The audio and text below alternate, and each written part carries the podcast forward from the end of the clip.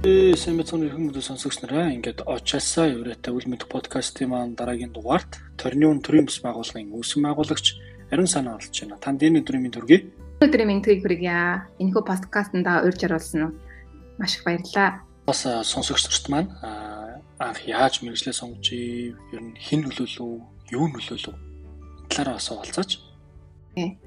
За миний хувьд бол анх би тэс өөр мэрэгчлэр аа мэрэгсэжсэн. А хамгийн анхныхаа бакалаврын зэргийг би Японд олон улсын стратеги бизнес удирдлага гэсэн чиглэлээр бол хамгаалж исэн. А тэгээд яаж чаргуу гэр бүл зохиогоод өөр хүүхдтэй болоод ерөөдөө бол яг цэцэрлэг сургууль цэцэрлэгт орох насанд болоод ирсэн чинь бас олон бэрхшээлүүдэд тулгарч эхэлсэн.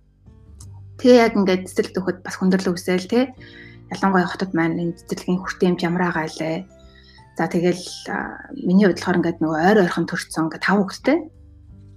Тэгээ яаж чарахгүй ингээд цэцэрлэг сургуулийн асуудал үүсээд ирэнгүүт энэ салбар яагаад одоо одоо тийм асуудалтай байгаад идэм болоо яагаад одоо тийм манад ингээд бас ингээд юм магадгүй энэ цэцэрлэгийн хүртээмж ингээд бага байгаад идэм бол доо яагаад яг энэ амьдралын хамгийн ихний хідэн одоо гурван насанд нь те эцэг эхчүүд ингээд айгу тэм дэмжлэг айгу суул эдэм болоог маш олон олон асуулт миний толгойд ингээ эргэлдэж ирсэн л да.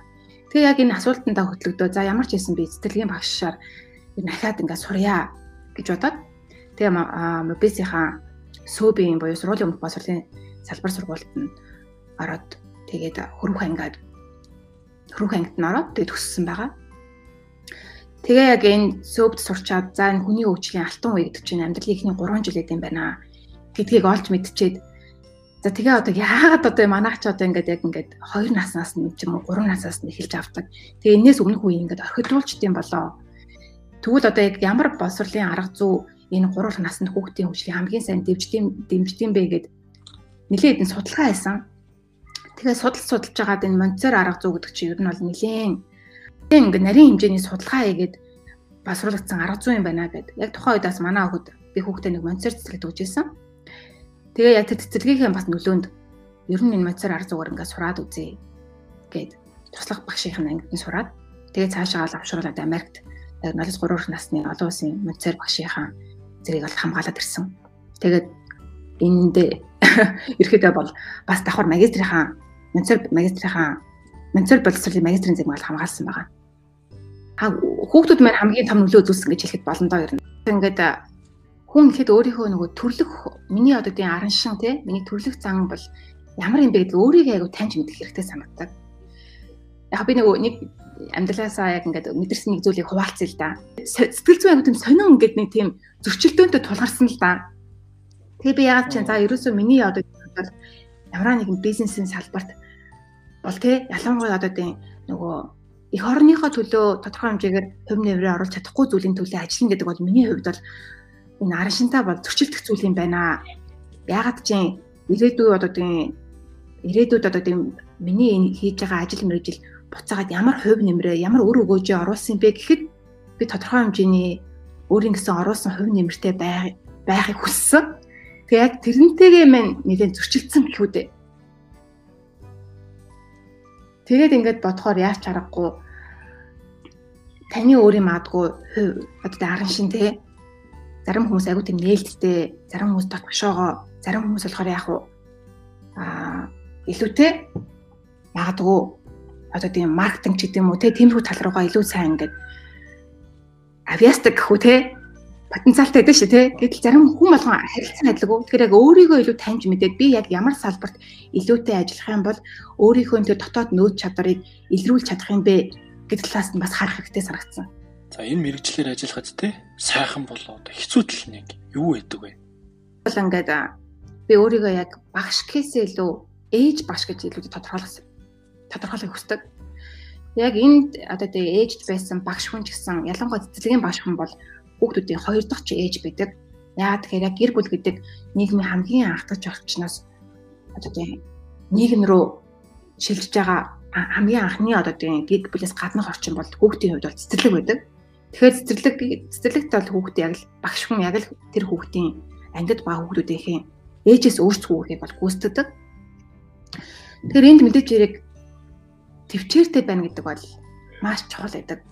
Яг тэгэхээр хүүхдийн ялангуяа бага насны хүүхдийн өөрийгөө илэрхийлж байгаа байдал нь одоо тийм тодорхой хэмжээр хэлээр нь хөгжөөгүй учраас ихэнхдээ өөрийнхөө бухимдал тэ магадгүй баяр хөөр бухимдал уйдгах бүнийг энэ бүхнийгээ үйлдэлээр илэрхийлж идэг. Тэгэхээр хүүхдийн өсөлт хөгжлийн онцлогийг ойлгоод түүн төвчээртэй хандаж чадна гэдэг бол ямар ч багш хүнээс шаарддаг төвчээрийг бол нэлээ их шаардж идэг. Аа тэгээд хэцүү зүйл гэх юм бол мэдээж яриг өөр бас тийм нөгөө хүүхд хүмүүжүүлж байхад явцад үр дүн гэдэг юм яг насан туршид дээр ажиллагддаг шиг тийм хурдан гардаггүй. Өнөөдрийн миний хийж байгаа зүйлийн үр дүн маадгүй нэлээ хэдэн жилийн дараа гарч идэг учраас маш хурдан үр дүнгээ хүсч идэг хүнд бол сэтгэлийн багш бол бас нэлээ илүүдэд төвчээр шаардах ажиллагаа байна. Нэг э, энэ чиглэлээр ингээд ажиллахад яг нэг э, ийм ийм ийм ийм уурчдрууд ер нь бол хэрэгтэй байгаад байна. Тэгээ тэгэхээр энд ер нь бол бэлэн байжж энэ чадруудыг эзэмшиж ер нь бол энэ чиглэлд аа ер нь бол энэ чадвар ашиглаж чаднаа гэвэл одоо энэ энэ чадвар гэдэг 1 2 3 ч гэх юм уу те хидж байж болно. Чадруудыг нэглээч гэвэл та ямар чадваруудыг нэглэх вэ? За миний хувьд бол хамгийн түрүүнд ажигч ажигч гэрхаа чанар гэж хэлнэ. Бас мэдрэмж. Яагаад тэгэхээр ялангуяа нөгөө баг насны хүүхдүүдээр яг өмнө хэлсэнчлэн хүүхэд өөрийгөө нэг үгээрээ төдийлэн сайн илэрхийлж чадахгүй байгаа учраас яг л нэг хүүхдийн үйл хөдлөлийг гаднаас нь ажиглаад тий яг ямар хэрэгцээ хүүхдэд байгаад байгаа ямар зүйлийг бидраас хүсээд байгаа гэдгийг хүндлэнгөөс ажиглаад олж мэдэх нь таньж мэдэх нь бол багшаас шаарддаг маш том чадвар байгаа. А 20 дугаарт нь бол баг бүх мэрэгжилд шаардаж идэг одоо тийм хүсэл эрмэлзэл гэдэг зүйл. Яагаад би нэг бас яг хуу нэг чадвар гэдэгт яг оруулахаасаа илүүтэй байх ёстой чанар гэж оруулах вэ гэхээр хүнд аливаа зүйлийг хий гэсэн хүсэл эрмэлзэл чин сэтгэл байх юм бол миний хувьд тэрний дараа бол ямар чадварыг бол хүн эзэмшгийн төлөө хүчин чармаалт гаргаад аа хичээж чадна. Дургууд хүчгүй гэхчээр хэрвээ тэр хүн тодорхой хэмжээний яг тэр мэрэгжилтэд дурлсан хүсэл эрмэлзэж идэм үү те эсвэл үнэхээр нэг юм хийж бүтээ гэсэн хүсэл эрмэлзэл байхгүй бол зүгээр л нэг урсгалаараа яваад гэх юм уу та тэрнийхээ үр өгөөжийг үн цэнийг мэдрэхгүй ингээд өнгөрчдөг. Тэгээ чин хүсэл байх юм бол тодорхой хэмжээгээр зоригтой нэг зүйл хий, нэг зүйл бүтээ гэсэн аа эрмэлзэлтэй байдаг. Тэг 3 дугаарт нь гэх юм бол яаж чарахгүй энэ хүүхд одоо ялангуяа нөгөө манайх чинь аа Одоо би өөрөө яг ингээд нөгөө тархиныхаа хүмүүнлэгийн их сургуульд цэцэрлэгийн багшийн ангид ингээд багшлаад явж байгаа. Тэгээ надад тулгарч байгаа хамгийн том бэрхшээл юу гэдэг вэ гэхээр манайхны одоо энэ аа банасны хөгтний өсөлт хөгжилтэй холбоотой сурах бичгүүд айгүй хомс байдаг. Тэгээ сурах бичиг хомс байгаа нь нөгөө төгөөр бас багш нар маань өөрөө бие даан судалгаа хийж те өөрийнхөө мэдлэг мэдээллийг тэлэх гэхээр маш олон бэрхшээл тулгардаг. Яагаад гэхээр хүн болгон тодорхой хэмжээний ингээд одоо гадаад хэл нэвч те ус цас шиг биш байдаг учраас хэлний бэрхшээл гэдэг юм нэлээд байдаг учраас зүгээр гадаад хэл дээр байгаа сурах бичүүдийг битан уншиж судлах гэдэг бол нэлээд бэрхшээлтэй учраас энэ чиглэлээр тодорхой хэмжээний хүүхдийн өсөлт хөгжлийн талаар онцлог те а тэр мэдлэг мэдээлэл яах чаргагүй шаардлагатай байдаг. Тэгэхээр энэ бас нэг ганцхан багш хүнээс гээсээ илүүтэй тал талын салбаруудаас дэмжлэг үзүүлээд аа сурах бичгийн нэлийн бас ингээд нэмэгдүүлэх юм бол багшны энэ өөрөө битан судлах чадварыг нэлийн нэмэгдүүлэхэд нөлөөлөх юм болов уу гэж үздэг шүү дээ. За Мария Монтер гэдэг яг энэ хүн арга зүй үүсгэн байгуулсан хүнийг Мария Монтер гэдэг. Тэгээ энэ хүн маань Италийн хамгийн анхны эмэгтэй эмч болсон. Тэгэхээр тухайн үед бол тийм 1800 онд бол эмч эмгтэй хүн эмч болно гэдэг бол бараг л нийгэмд бол байж болшгүй үзэгдэл байсан. А гэтэл тэр тухайн үед тулгарсан альваа сайд багшилыг даван туулаад хамгийн анхны эмч болсон. Яг тэр одоо 100 хэдэн жилийн өмнө ингээд бодох юм бол тухайн үед одоо яг одоо үед ашиглаж байгаа шиг MRI ч гэдэм үү те томограф ч гэдэм үү эрентгийн зурч гэдэм үү тийм зүйлүүд бол байгаагүй.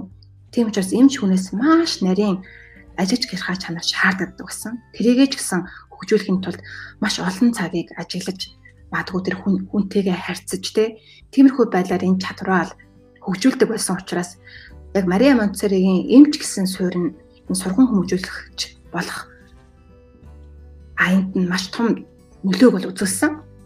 Тэгэхээр түүний яг хамгийн анхны альжсэн хүмүүс бол хүүхдүүд бол хөгжлийн бэрхшээлтэй хүүхдүүд байсан. Тэгээ энэ хөгжлийн бэрхшээлтэй хүүхдүүдтэй ажиллаж байхдаа тал бүрийн эдэмтэн судлаачдын дэвшүүлсэн арга зүй өнтрийг холимог байдлаар ашиглаад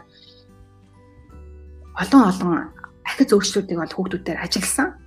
Тэгээ тэр ямар үр дүнд хүрсэн бэ гэхээр хэрвээ одоо гэдэг энэ хөгжлийн бэрхшээлтэй гэсэн энэ хүүхдүүд те суралцах чадваргүй хүчээсэн эдгээр хүүхдүүд одоо яг юм одоо миний энэ төвшүүлж байгаа арга зүгээр ингэж их өөрчлөгдөж байгаа юм бол хэвийн хөгжилтэй хүүхдүүдийн босрлын системд үнэхээр том асуудал тулгаад энэ хүүхдүүдийн нөөц чадварыг бүрэн хэмжээнд нээж чадахгүй байгаа юм биш үү гэсэн өөрийнхөө сонирхолд хөтлөгдөөд тэгээ яг тухайн үед нэг адуу одоо үүдэд хотын нэг хэсэгт орон сууч төсөл хэрэгжээд тэр орон сууч төслийн хүрээнд яг чаргагүй олон олон хүүхдүүд хараа хяналтгүй үлдэх болсон. Яг тэгэхээр ээж аав нар нь ажилдаа ингээд явуулдаг. Гэтэл тэр хүүхдүүдийг харах хүнгүй болчдөг.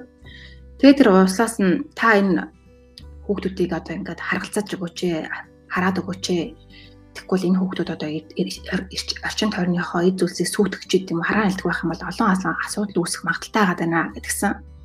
Тэгээ Мари Монцор маань яг тэр хүүхдүүдийг одоо хэвийн хөгжилтэй гэж тооцоодох те энэ хүүхдүүдийг хамгийн анх хариуцж аваад тэгээ гайхалтай олон өөрчлөлтүүд а өсөлт хөгжилтүүд ингээд гарч исэн. Тэгээ тэрийг нь яаж авах дэлхийн өнцөг бүр олон өнцөг бүрээс үгүй энэ хүн одоо ямар арга зүгээр яаж ажиллаад энэ хүүхдүүдэд ийм их өөрчлөлт гараад байгаа юм бэ гэх бүр шилэн анги гэдэг хүртэл бүр нэгдэжсэн. Тэр нь одоо юу гэдэг хөндлөнгийн хүмүүс тэр хүүхдүүдийн хийж байгаа үйлийг ажил ажиллаж болох ус тиймэрхүү байдлаар бол нэгсэндээ үйл ажиллагаа явуулж гисэн гэсэн.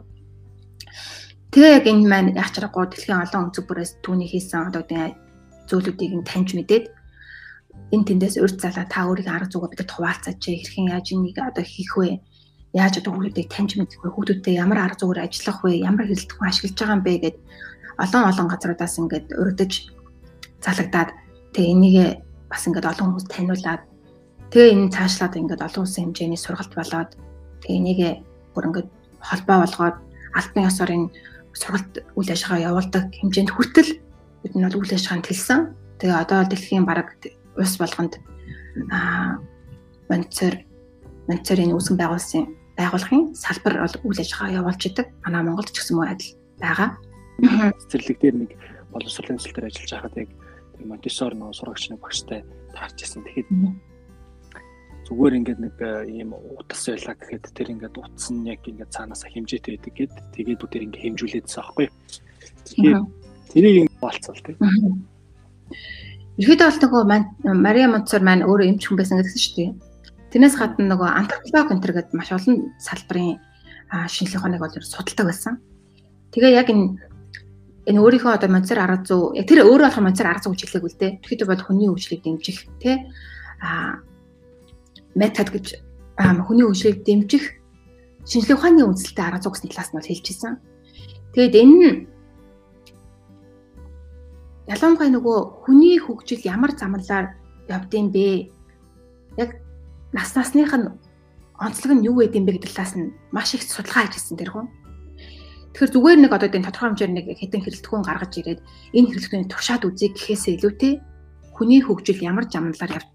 Жишээ нь 0-3 хүртэлх насны хүүхдийн гарын хөгжил ямар байдгийг Мадгүй дөнгөж одоо тийм 2 3 сартаа байгаа хүүхдийн хэрэгцээ юу вэ? Тэ? Энэ хүүхдийн хөгжлийг дэмжихийн тулд хөндлөнгөөс насан туршид ямар дэмжлэг үзүүлэх ёстой юм? Энэ иймэрхүү байдлаар ба насны хүүхдүүдийг бараг бүтэн 50 жил ажилласан байдаг. Тэгээ яг ажилтаа бол ганцхан хөнгөлтгөө ерөөдөө бол аа одоо амтны судлаач те биолог судлаач гэдэг энэ тал бүрийн эрдэмтэн судлаачдын хийсэн бүтээлтэй танилцаад Тэгвэл хүн энэ амьтатаас юугаараа ялгарч байгаа хүнд ямар онцлог шинж байгаа гэдэг тэр талаас нь маш нарийн ажилт хийгээд за хүнд ер нь мэдрэмтгүй үе гэж байж юм. Бас альва зүйлийг сурах төрлөх хандлага гэж байд юм байна. Яг энэ дээр нь тулгуурлаад боловсролынхоо арга зүг боловсруулах юм бол тий сургалтынхаа арга зүг боловсруулах юм бол хүүхд хүүхдийн хөгжлийг бүрэн дүүрэн дэмжих боломжтой юм байна гэсэн дүгнэлтэд хүрч исэн. Тийм ч учраас одоо яг ингээд өөрөөсөө хэлсэн шүү те ингээд маш нарийн ингээд байд юм байлээ гэд. Тэгэхээр тэр ингээд арга зүй болгоно нь нас насандаа бол харилцаа адилгүй байдаг. Тэгээ 0-оос 3-наас 3-аас 3-аас 6 нас гэд хүртэл хүүхдүүдтэй харилцах арга барил хэрэглэж байгаа хэрэлдэхүүн өнтер нь бас тис ондоо байдаг. Тэгээ яг би өөрийнхөө салбарыг ингээд яриад үзэх юм бол 0-оос 3 гэдэг хэвчээ насыг ингээд яриад үзэх юм бол 0-оос 3 наснд чинь хүүхэд маань ямар байдаг вэ гэхээр дөнгөж төрсэн хүүхэд маань аа ямар ч одоо үеийн зоригтой хөдөлгөөн хийх чадваргүй өөрийгөө хэлээр агаар илэрхийлэх чадваргүй хүүхэд байдаг тийм үү. Гэтэл 3 хүрэх нас 3 хүрж байгаа хүүхэд маань гүүж хараадаг одоо өстө нөгөө бүрэн чөлөөтэй ярьдаг яаж чаргагүй сүүлийн үед одоо технологийн нөлөөгөөр болоод хүүхдийн хэлээрээ хөгжлөлээ ингээд жоохон хоцрогдолтой байгаад байгаа боловч ер нь бол 3 хүртэл насны хүүхд өөрийгөө хэлээр агаар илэрхийлждэг. Чөлөөтэй үйл хөдлөлгөөн хийждэг. Тодорхой хэмжээгээр ингээд зааврыг ингээд зааврыг тэрийг дахан биелүүлэх чадвартай тий маш том акц өөрчлөлт гарсан байдаг. Тэгэхээр энд нь ямар дэмжлэг үзүүлэх юм бэ гэхээр за ерөөсөө хүүхд гэдэг чинь яг хэл яриаг эзэмших гээд байгаа энэ эмзэг үе дээр нь бид нар хэл яриаг нь яаж дэмжих үү гэд бодоод үзээд яг тэрэн дээрээ таарсан дэмжлэгийг бол хүүхдэд үзүүлэх хэрэгтэй байна. Яг тэр бид нар чи аа гэж хэлээрээ гэд аа гэж хэлүүлэх биш. Хүүхд маань өөрөө орчноосоо одоо эрен тойрныхоо хүмүүсийн хэрхэн яаж ярьж байгааг тусгаж аваад сурч идэг. Бид нар одоо мянган ингээд хүүхдийг гарнаас нь бариад хөтлүүлэх гээд алхуулах гээд бол чадахгүй яаж чаргагүй тэр нөгөө дотоод нөгөө цагийн хуваарийн дагуу хүүхэд яг тодорхой хэмжээгээр нөхцөл нь бүрдсэн тохиолдолд хүүхэд өөрөө алхаж сурдаг. Бид нар ямар нэгэн дэмжлэгийг үзүүлээд эсвэл гарнаас нь одоо дэлгчнээ хөтлж авсан ч гэсэн бидний хүснэр хүүхэд хүлт ордоггүй шүү тий. Тэгэхээр ерөөсөө яг онцлог ингээд зөвлөх юм бол энэ хүүхдэд юу хэрэгтэй байгаа юм бэ гэдгийг ажиглаад тэгвэл энэ хэрэгтэй байгаа зүйл дээр нь бид нар ямар дэмжлэг үзүүлж болох юм бэ гэдэг талаас нь манцаар арга зүй маань ерөөдөө гол төлөв хичээл төлөвлөлт үйл ажиллагаанд явагдчихийдэг. Тийм хүүхэд маань одоо усаар агуу толох тухай байгаад байдаг шүү дээ. Эсвэл юм болгоныг би өөрөө гэдэг үе гэдэг шүү дээ, тий. Би өөрөө би өөрөө гэж амьсэр өмсүүлэх гөнгөд үгүй би өөрөө гэл ингээл баг өмсүүлсэн баг чинь буцаж тайлж аваад тэдийг өөрөө өмсөөлч гэдэг юм уу те ил бүхэн чинь буцаагаад нөгөө тэр хүүхдийн дотор аливаа зүйлийг өөрөө бие даан хийх хүсэл эрмэлзэл гэдэг юм баг оргилж ингээ буцлаад байгаа байхгүй юу тэгэхээр энд нь л тулгуурлаад аливаа зүйлийг нь өмнөөс нь хийж өгөхөөс илүү те өөрөө хийж чадахт нь би ямар дэмжлэг үзүүлэх юм бэ? Магадгүй жижигхэн санал дээр суулгах юм бол өөрөө хийгээд чадахгүй. Магадгүй жижигхэн хогны шүр бариулчих юм тэр хүүхд өөрөө тэр тарьсан хогоо шүрдэх гэж хичээгээд оролдох юм уу? Их мэтлэнгээр нөгөө ажиж гэрхаа чанараа бид нар ашиглаад тийм үү? Энэ чадвараа ашиглаад хүүхдийн хөгжлийг дэмжихэд бид нар ямар дэмжлэг үзүүлэх юм? Орчинд нь ямар өөрчлөлт оруулах чадах юм бол хүүхэд бидний магадгүй багахан дэмжлэгтэйгээр хийж чадах юм бэ гэдэг талаас нь илүүтэй ажиллаж хүүхдийг төлөвшүүлдэг арга зүй гэж юу хэлж болно. Одоо нөгөө энэ чиглэлээр ингээд ажиллаж байхад танд тулгардаг байсан түгээмэл бэрхшээл гэвэл яг юу байсан бэ? Энэ бэрхшээлүүдээс ер нь юуг суралцсан бэ?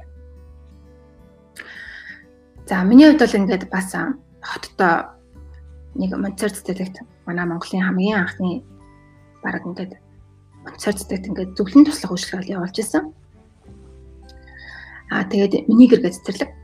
Тэгээ яг энд Миний гэр цэцэрлэг маань надад ерөөхдөө бол яг миний энэ Монцоор арга зүгээр сурах аянд бол маш их туслан дэмжлэг үзүүлж ирсэн. Яа тэгэхээр цэцэрлэг болгон ч ялангуяа хувийн цэцэрлэгүүд чинь ингээд тэр болох ингээд нээлттэй байдаггүй. Айгу тийм хаагдмал гэдэг шүү дээ ер нь. Ороо танилцах гэхээр тэр болох ингээд үн талхаа бас ингээд нээдэггүй ч гэдэм үү те. Тэр болгонд ингээд хүнлэнгийн хүмүүст ингээд манайх ингэж үйл ажиллагаа явуулдгаа гэдэг ингээд нээлттэй ба танилцуулаад нэг байдаггүй. А миний гэр цэцэрлэг бол маш нээлттэй. Ялангуяа ингээд багшараа ингээд а сургая тодорхой хэмжээний мэдлэг мэдээллийн ингээд тэхлээ гэдэг байдлаар нээлттэйсэн. Тэгээд тухайн зүйлтэй би ингээд зөвлөлийн туслах үйлчлэгээ ингээд явуулж хахад ямар бэрхшээл тулгарч ирсэн бэ гэхээр яач харахгүй ингээд багш нарын ачаалал нэлээд их байдаг. А тэгээд дээрэс нь одоо ялангуяа ингээд манай босрлын тогтолцоонд ч яг ингээд моцор арга зүй гэдэг чинь ийм ийм шаардлагыг хангасан байж энийг бол монцор цэцэрлэг гэж хэлнэ гэсэн энэ тогтсон стандарт гэж байдаггүй. Тийм учраас газар газар зүгээр л өөрсдөө монцор цэцэрлэг гэж нэрлэждэг. Гэтэл тэрэнд нь яг ингээд ороод танилцаад үзэхээр тийм үү. Моцор үйл ажиллагаагаар төдийлөн бол дагнаагүй цөөн хідэн хэрэлтгүүнийг тавиад тэр хэрэлтгүүнтэй болохоор ингээд монцор ч гэдэм үү гэсэн татгалыг өөртөө ингээд өгцөн байдаг. Ер нь л а гэтэл энэний цаана ямар онол яваад байгаа хэдийгээр хэрэлдэхүүн байгаа ч гэсэн тэр хүүхдтэй хэрхэн яаж танилцуулах юм? Хүүхдийн хүлээж авах онцлог нь юу юм гэдгийг тэр болгоны төдийлөн сайн мдээгүй улмаас хүүхдэд тэр тухайн арга зүгээ буруу танилцуулаад хүүхдээ магадгүй орчинтойгоо ч гэдэм орчинтойгоо холбох гэж ярьдаг л да мансар харсуудаар зөв холбоог өгөөс болоод магадгүй тэр өөрөө өгөөжийн төдийлэн сайн таньж мэдэхгүй тийм талууд бас ингээд а ер нь бол нэлээд манай Монголда түгээмэл ажилладаг. Гэтэ энэ нь бол ганцхан Монгол гэлтгүү олон улсын хэмжээнд ажилладаг түгээмэл асуудал байгаа. Тэгэхээр энийг бас жоохон стандартжуулах яах чаргагүй шаардлага бол байдаг. Яагаад тэгэхээр аа зүгээр нөгөө агуу тийм сайхан орчин бүрдлээгээд зөв арга зүйгээр бол явчихгүй учраас яах чаргагүй нөгөө арга зүй маань онолтойгоо практиктайгаа хосолж иж илүү үр дүнгээ өгдөг өө. Тэгвэл нөгөө мэрэгчлэрээ ажиллаж явах үеийн амжилттай хэрэгжүүлсэн сайн туршлага гэвэл та юуг олцгоо.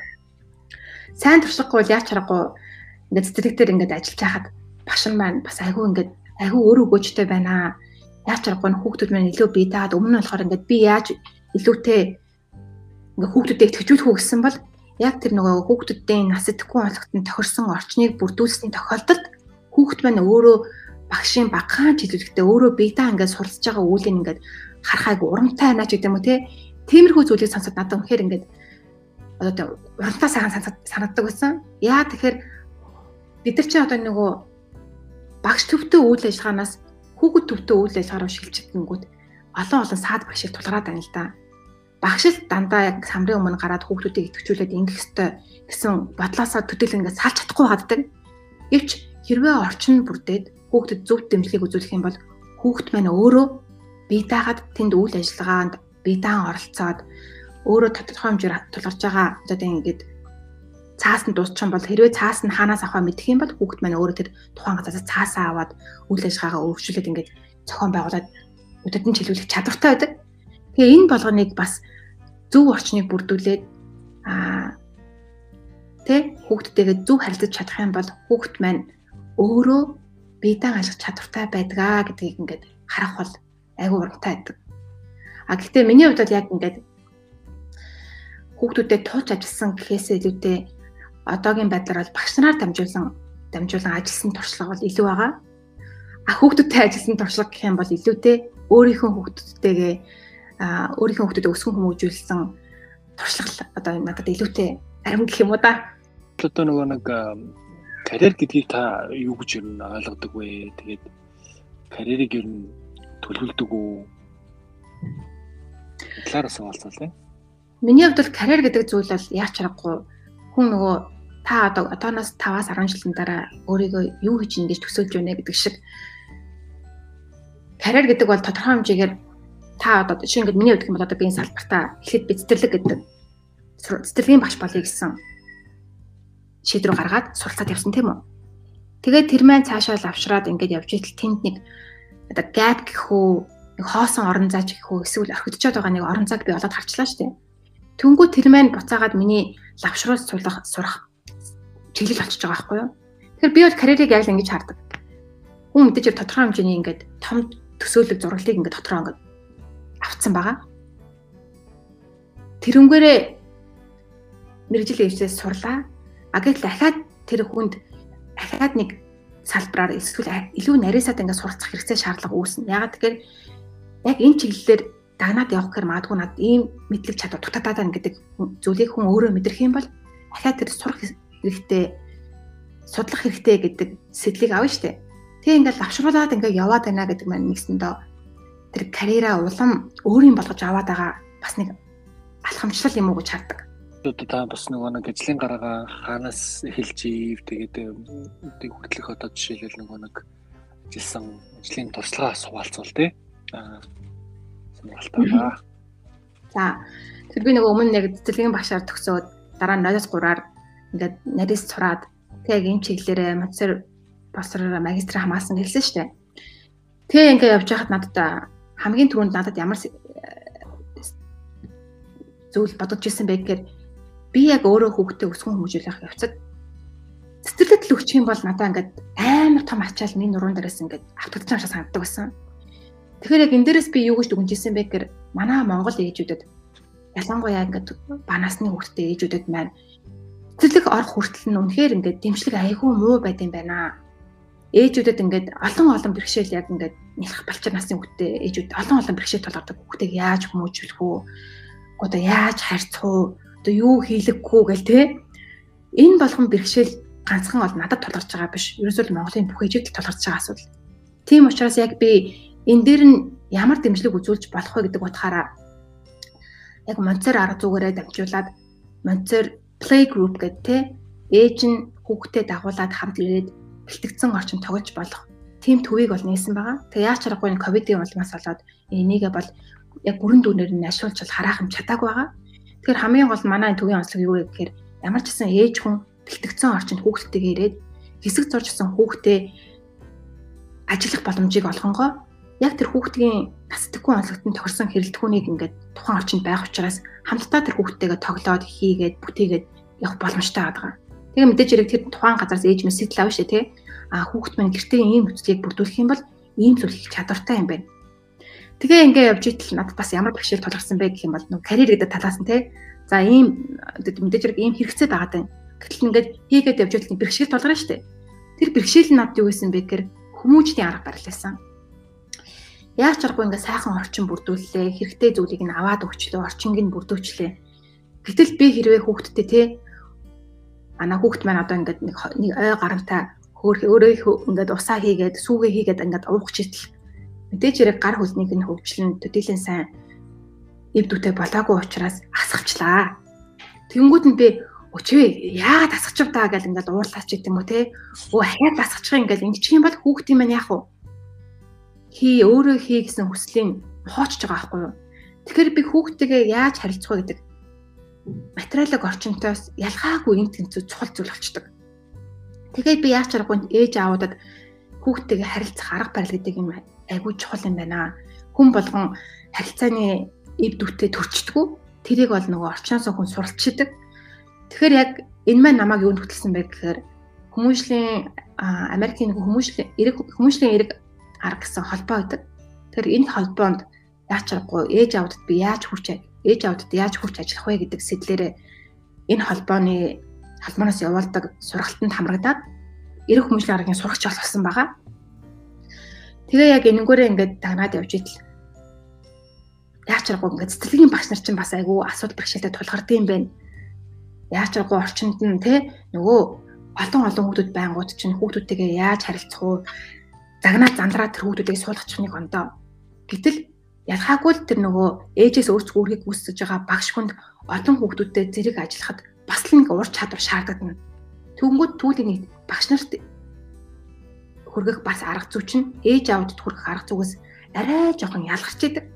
Тэг гих бишлэнгээр ингээд за тэгвэл энэ салбарт хүмүүшлийн эрэг арга гэдэг зүйл айгүй чухал үүлдэд байгаа зүйл юм байна.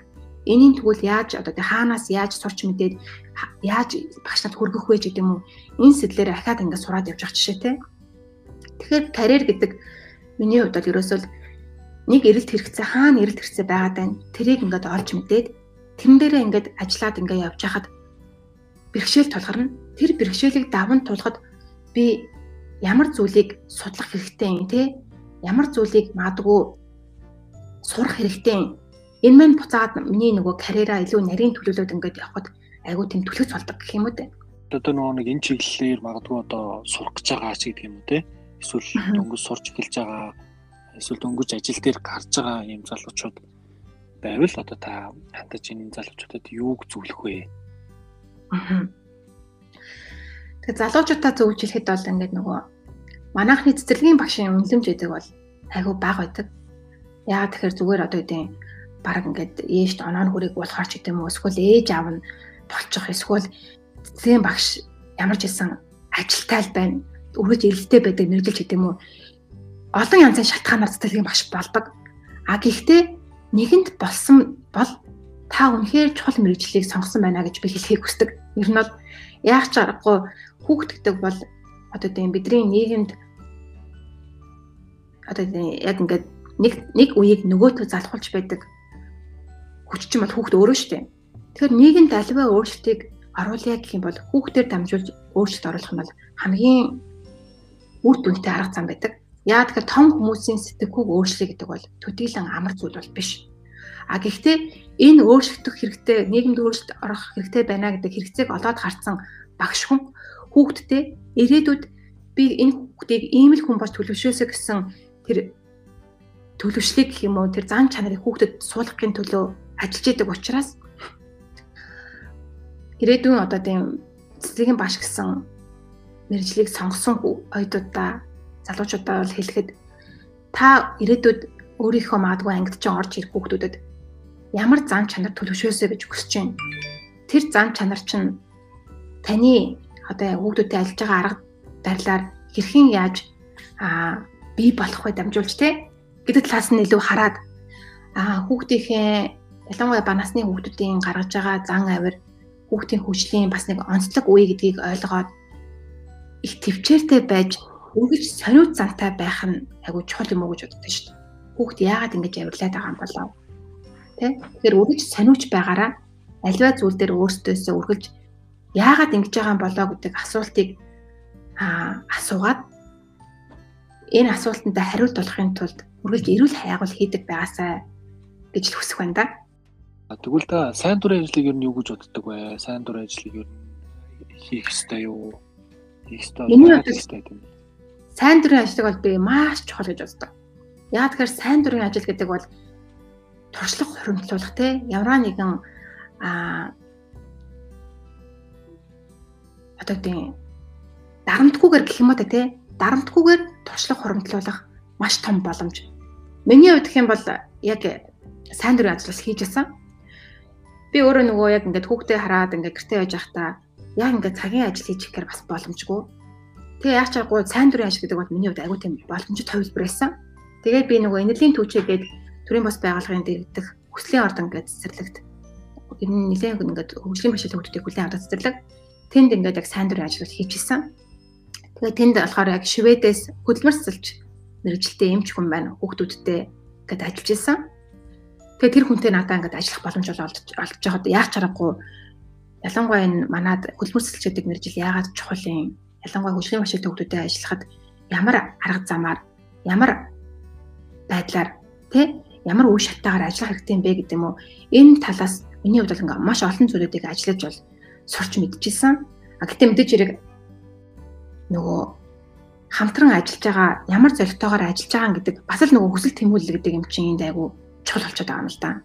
Тэгэхээр яач аргагүй хэрвээ оюутан хүн бол ялангуяа сайн дурын ажил хийгээд миний иргэдэд хийх гээд байгаа энэ ажил магадгүй миний сонирхоод байгаа ажил яг ямар зүйлийг хийдэм бэ гэдэг тэр амталгаа хийхэд бол хамгийн одоо тийм чухал үйл.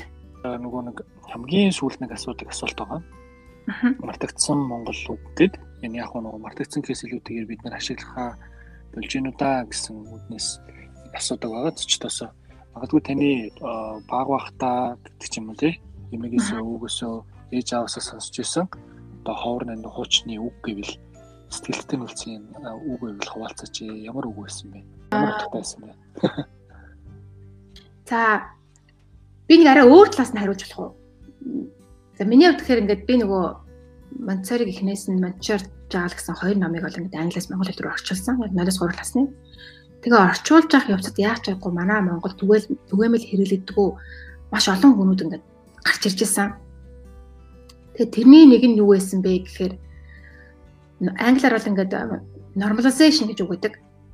Нэгсэндээ хүүхэд тийм үү яг ингээд хүүхдэд ээлтэй орчин бүрдсэн тохиолдолд хүүхэд хүүхдийн хөгжил сөрөг гэхээсээ илүү ингээд зөв зүйл рүү тэмүүлж одоо хэвийн хөгжих боломжтой гэсэн утга санаатай тийм normalization гэдэг үг. Тэгээ энийг хүүхд хэвийн хөгжих гэдэг ингэчээр айгуу тийм сонирн болчоод тэгээ энэ дээр би ямар үг сонгох вэ гэж нилээ ингээ эрэл хайгуул хийсэн л дээ монгол хэл дээр энийг яаж хэлэх үү гэд. Тэгээ ингээ явж явж хагаад төлөвшрөл гэдэг үгтэй тулгарсан. Тэгээ төлөвшрөл гэдэг үгийг болохоор би ингээд төлөвлөлийн төлөвшрөл гэдэг үг чинь ямар утгатай юм бэ ингээд хайгаад үзсэн чинь хэвийн одоо өсөж хөгжих гэсэн утгатай үг байсан. Тэгэхээр ингээд энэ саний ингээд төлөвшрөл гэдэг үг маань надаа яад чинь буцаагаад хэрвээ бид нар одоо тийм одоо ялангуяа нэг хүүхдийн одоо энэ орчин үеийн хүүхдэд айгүй ботгоо байцсан. Энэ айгүй хүмүүжлэг болцсон. Айгүй дуулуургүй болцсон гэл. Одоо үеийн хөрхийн нэг орчин үеүүд чи яачраагүй олон янзын нөлөөнөөс болоод одоо хүмүүсийн доголдож гэдэг юм уу иймэрхүү байдлаар олон олон янз ингээд нэр зүгөө явдаг. Гэтэл маадгүй энэ орчинд нь байгаа олон сөрөг зүйлүүдийг хэрвээ бид нэр холдуулаад харин илүүтэй эерэг тэмдэглэг үзүүлж чадах юм бол энэ төвлөвшрөл гэдэг байгаа төлөв рүү шилжих бас боломжтой юм байна шүү гэдэг талаас нь төлөвшрөл гэдэг үг надад айгүй тийм сэтгэл нэлээд үлдсэн үг гэх юм уу та. Ингээд өнөөдрийн дугаарт маань цаг цав гаргаж оролцсон ариун санаагчтай маш их баярлалаа. Ингээд өнөөдрийн дугаарт маань төрнүүн төрийн бас байгууллагын өсөн байгуулагч ариун санаа оролцлоо. Ингээд хэрвээ дугаар маань таалагдсан бол аа subscribe дараарай. Бусад хүмүүст share хийж түгэж өгөөрэй. За баярлалаа.